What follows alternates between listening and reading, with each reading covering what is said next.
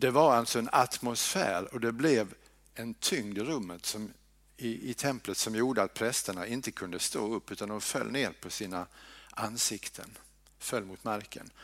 Och många gånger i Bibeln, inte minst i Gamla Testamentet, kan vi läsa detta.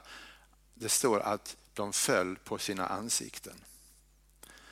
Och jag tänker att varje gång det står så handlar det nog om att de på något sätt upplever Herrens härlighet. Antingen att de gör det individuellt och själva eller att de gör det i en hel församling så att säga. Det finns ett annat exempel och det är från eh, första kungaboken. Eh, när Elia utmanar Balsprofeterna så gör han ju det ganska dramatiskt. Han ordnar ju med ett brännoffer där och ser till att han öser på massor med vatten på det här Eh, eld och brännoffret för att det säkert inte ska gå att tända fyr på det hela utan det är Gud som ska sända elden. Och så utmanar han basprofeterna på det sättet för de tänder ju sina eldar och, och sådär. Och så tar det fyr i det altaret som, som Elia har byggt. Och då står det att när allt folket såg det föll de ner på sina ansikten och sa det är Herren som är Gud, det är Herren som är Gud. De upplevde där Herrens härlighet. Hans närvaro var liksom intensiv för dem. Kanske du har upplevt det någon gång. Jag har varit med om det, fast lite grann som åskådare när jag fick se hur, hur människor en efter en kom in i en kyrka, kom in i mittgången och föll på sitt ansikte och började faktiskt tala i tungor efter en liten stund. Grät först lite. Sen kom nästa, hade inte sett vad som hände, men mönstret fortsatte i ett par timmar med många människor. Själv satt jag som åskådare som sagt och såg på det hela. Hesekiel, han gör en sån här upplevelse. Och det står i texten att han, han eh, såg Herrens härlighet eller erfor Herrens härlighet. Och han föll ner med ansiktet mot marken. Så hör Hesekiel någon tala. Människa, res dig upp, jag vill tala med dig. Det är Gud som söker honom. Och Kanske du har varit med om det också, att Gud har talat till dig. Ibland kan man ju faktiskt höra en röst eller genom någon annan människa. Men ibland är det bara som den där inre rösten, en tanke som man eh, får i huvudet som biter sig fast och letar sig ner till hjärtat och inte släpper taget. Och man anar att kanske är det Gud som vill säga någonting till mig. Och så söker man då bekräftelse på det. Det här kommer till Hesekiel, en av de största profeterna i Gamla Testamentet och i hela Bibeln. Eh, en profets första uppgift är faktiskt inte att tala till folket. Utan en profets första uppgift är att lyssna till Gud. Och Det kan du se efter om du vill i Bibeln bland alla profeterna. Och det är inte bara de här som vi kallar profeter, utan ibland så kallar man Mose för en profet och ibland kallas Jesus för en profet och så vidare. Det börjar alltid med att de lyssnar till Gud. Sen får de tala. Människa, res dig upp, jag vill tala. Och så lyssnar Hesekiel och Gud talar. Och det kan vi följa vad Gud säger i den här texten sen. Du och jag, vi får ta till oss det här också. I, vi lever ju liksom i det nya förbundet och allt det som olika enskilda människor på något sätt välsignades med i gamla testamentet. Allt det är du och jag som kristna välsignade med därför att den heliga ande finns i våra liv. Så det som står om en profet, att han lyssnade till Gud och sen kunde tala, det får du ta till dig som kristen. Vi kan alltså också höra Guds röst. Gud har gett oss den möjligheten och vi ska vara frimodiga och söka hans röst och lyssna. Din första uppgift är också att lyssna till honom. Så står det att när Hesekiel då lyssnar till Gud så fylls han av en andekraft. Står det. Ja men det var den heliga ande. Det står andekraft men det var den heliga ande förstås. Vem annars? I Gamla Testamentet så möter vi den heliga ande många gånger, men det var faktiskt bara kungen och prästen och profeten som var fyllda av anden i Gamla Testamentet. Det som sen kom att bli varje kristens egendom så att säga. Den heliga ande i våra liv. Men då var det kungen, prästen och profeten som på olika sätt fylldes med den heliga ande. Och man krönte ju kungar på den tiden med olja. Man hällde rikligt med olja över Saul till exempel och den heliga ande kom över honom. Du kanske inte har en erfarenhet av den heliga ande, så kan det ju vara. Men du kan var viss om, inte bara för att jag säger det, utan för att Bibeln säger att varje kristen, varje på Jesus troende har också den heliga ande i sitt liv. Och Paulus han skriver väldigt tydligt att ingen kan bekänna Jesus som Herre och Frälsare utan den heliga ande. Så det tycker jag det är ju liksom en, en verbal eh, garanti så att säga för att den heliga ande finns i våra liv. Om vi nu tycker att vi saknar erfarenheten så får vi tro det i alla fall. Hesekiel fylls av en andekraft och det som hände med honom och med andra enskilda storheter i gamla testamentet är nu varje kristens erfarenhet och egendom så att säga. Hesekiel fylls av den heliga ande medan Gud talar. Och det är ju så att ordet och anden hör ihop. Jesus han säger vid ett tillfälle, Johannes 6, de ord som jag har talat till er är ande och liv. Så ande och liv är starkt förknippat med ordet som kommer utifrån Jesus eller från Guds ord, Bibeln och så vidare. Och så blir Hesekiel sänd till, som det står, ett motsträvigt folk. Vad är ett motsträvigt folk? Ja, men vi som har, känner till lite grann om Israels folk och Gamla Testamentet så vi vet att Israels folk var motsträvigt. De hade svårt att lyssna till Gud, att ta till sig och leva i det som Gud sa. De hittade gärna på egna saker. Guldkalven till exempel, mitt i ökenvandringen och så. De hade dåligt med tålamod att vänta på Gud och gå i takt med Gud. Så de var ett motsträvigt folk. Och det var just för att de var motsträviga som de också hade hamnat i exil. För Hesekiel, han levde ju borta i Babel, i fångenskapen. Det var under den tiden som Hesekiel verkade. Och han talade där till de delar av Israels folk som, som var där då.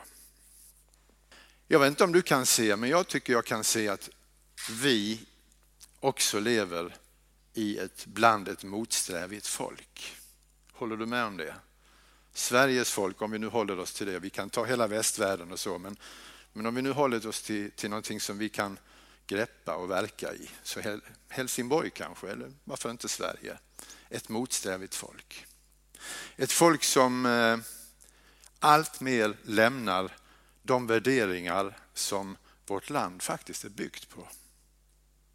Vår kultur är byggt på. Vårt rättsväsende är byggt på. Sociala normer, ta vad du vill, det är byggt på den kristna tron. Och nu håller vi på att lämna det eh, och vill inte längre bekänna oss till det. Och man kan ibland läsa riksdagspolitiker som säger att de har som agenda att avskaffa den kristna tron. Så visst lever vi bland ett motsträvigt folk. Och kanske någon av oss, eller vi alla, också drabbas lite grann av det där, för vi lever ju mitt ibland folket. Är vårt folk också i fångenskap? Ja, absolut. Vårt folk är i fångenskap. Vi talar om den kristnes frihet, att i Jesus Kristus är vi fria. Det är en annan slags frihet och en annan slags fångenskap än den som Hesekiel och Israels folk upplevde i Babel. Men det var också, de var inte bara fångna i Babel utan de var också fångna i sin motsträvighet. Det var det ordet som användes här. Hesekiel fick ett uppdrag. Han skulle ge sitt folk ett budskap. Men innan dess så skulle han bli ett med det här budskapet. det står ju att han skulle äta och han skulle äta den här bokrullen. Det är ju lite konstigt. Men det är inte enda gången i Bibeln som det händer utan vi kan också läsa i Uppenbarelsebokens tionde kapitel där det står lite utförligare faktiskt om detta. Eh, Johannes, han får uppmaningen av Gud så här. Jag gick då bort till ängeln, det här är från Uppenbarelseboken 10.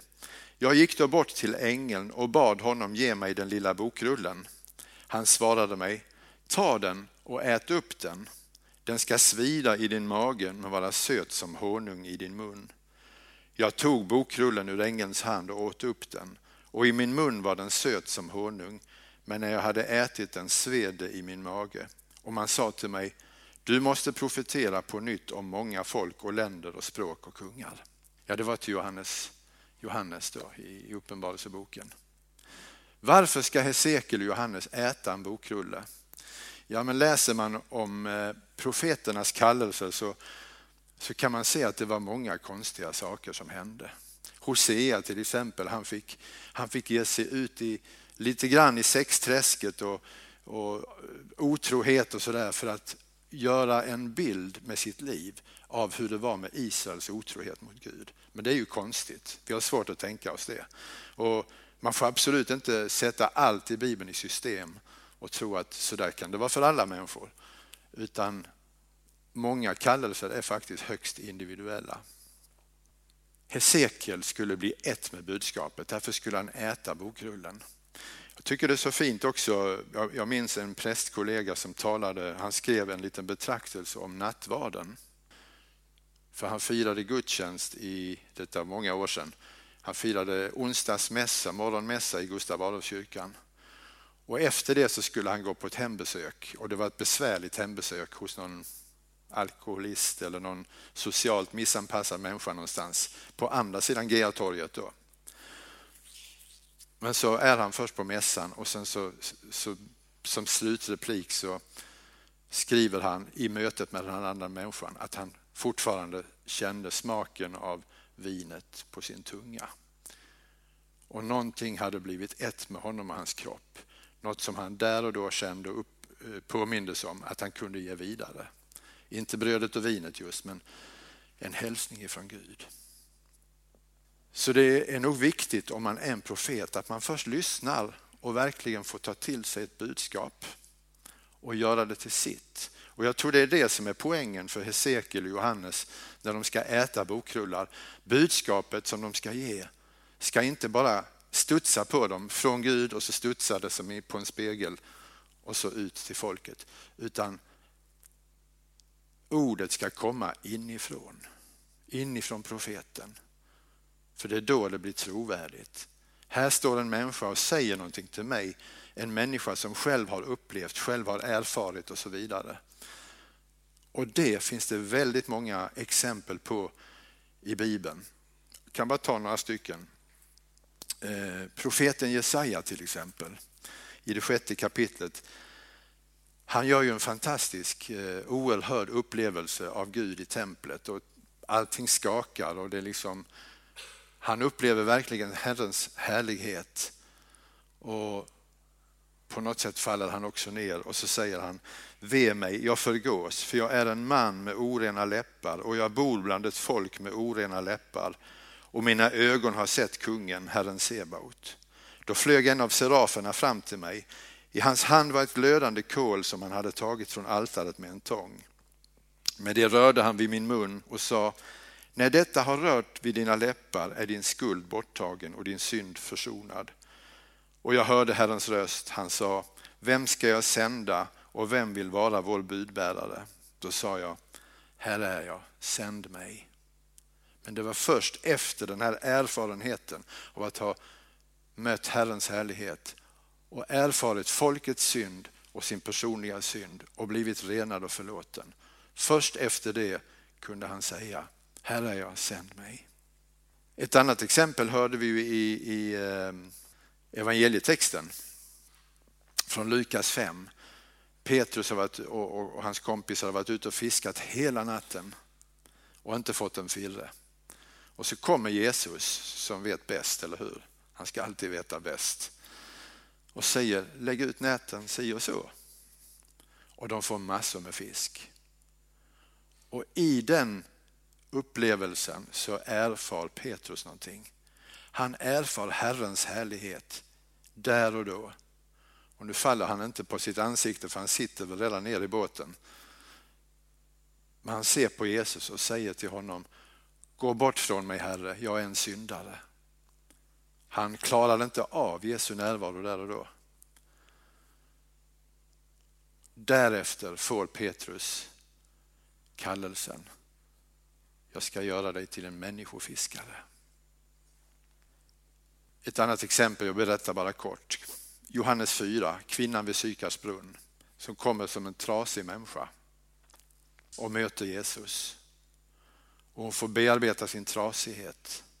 Och därefter, när hon har förstått och mött, att hon har mött frälsaren, så springer hon in i stan och berättar och det blir väckelse. För dig och mig gäller samma sak egentligen. Det är mötet med Gud och erfarenheten med Gud, vad den än kan vara, som ligger till grund för det som vi kan ge vidare sen. Det är inte så att ett evangelium, ett glatt budskap om Jesus ska studsa på oss som, som solstrålen på en spegel som studsar vidare till någon annan. Utan det ska komma inifrån våra liv. Det har med trovärdighet att göra. Och tänk att du och jag får dela med oss av våra erfarenheter och det vi har upplevt och så. Och vi behöver inte hitta på något annat att säga. Vi behöver inte konstruera någonting som inte kommer från oss själva. Det är att gå utanför sin kallelse. Johannes skriver i sitt första brev och det är precis detta som det handlar om. Han skriver så här i första kapitlet. Det som var från begynnelsen, det vi har hört, det vi har sett med egna ögon, det vi har skådat, det vi har rört med våra händer. Om detta vittnar vi. Livets ord. Livet har uppenbarats, vi har sett det och vittnar om det och förkunnar för er det eviga livet och så vidare.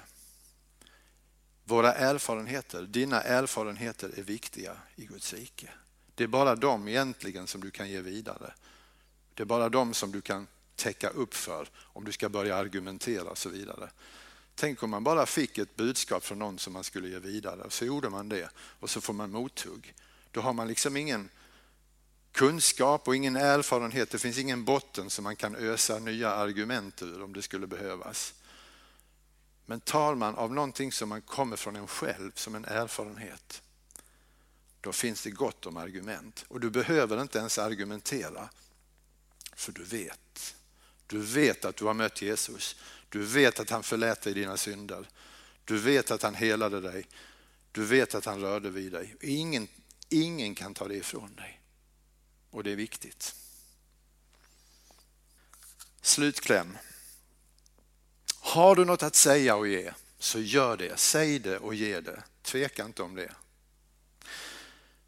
Om du inte känner att du har det så sök Herren. Sök Herren, det är det första ändå. Att lyssna till honom. Det var det Hesekiel fick göra och det var det alla profeterna fick göra. De fick börja med att möta Herren och lyssna till honom. Så har du inget du känner att du sådär ska ge eller säga, sök Herren. Om du vill tjäna Guds rike, om du vill tjäna församlingen, om du vill tjäna Herren själv men, men inte riktigt vet, så sök inte uppgiften. Jag vet att det är så lätt att söka uppgiften. Sök Herren själv, så ger han uppgiften. Eller så ger han erfarenheten. Jag tror det är jätteviktigt. Jag tycker jag genom åren har pratat med, med kristna människor eller man har, haft i, i, man har pratat i grupp eller enskilt sådär att folk söker uppgifter i församlingen eller folk söker sin andliga gåva som man säger eller man söker någonting som man vill, för man vill, man vill vara till nytta. Man vill vara tillfreds med att man tjänar Guds rike. Men man missar ju den där viktiga grunden att söka Herren själv. Han längtar ju efter dig. Han vill inget hellre än att möta dig. Så kan det hända att han säger någonting. Och om han då söker dig i ett ärende, var då inte motsträvig. Utan lyssna och ta emot. Gör det till din erfarenhet och ge vidare. Vi ber tillsammans. Och Jesus, vår Herre och Frälsare, Gud, du är stor och mäktig. Och ibland fick lärjungarna erfara det och de kände sig väldigt små och det kan vi också göra ibland. Tack Herre för att du mest av allt längtar efter gemenskap med oss, med mig. Och jag får komma till dig och bara vara med dig. Men Herre, om du skulle tala till mig, om du skulle tala till oss. Låt mig vara lyhörd Herre. Gör mig villig att, att lyssna och att gå. Om du säger det Herre. Och jag tror faktiskt att du säger det mycket oftare än vad vi uppfattar. Men så missar vi det Herre bara för att vi inte söker dig och kommer till dig. Herre, låt det här bli ett tillfälle att söka dig. Och kanske Herre, om någon upplever sig tilltalad av dig Herre,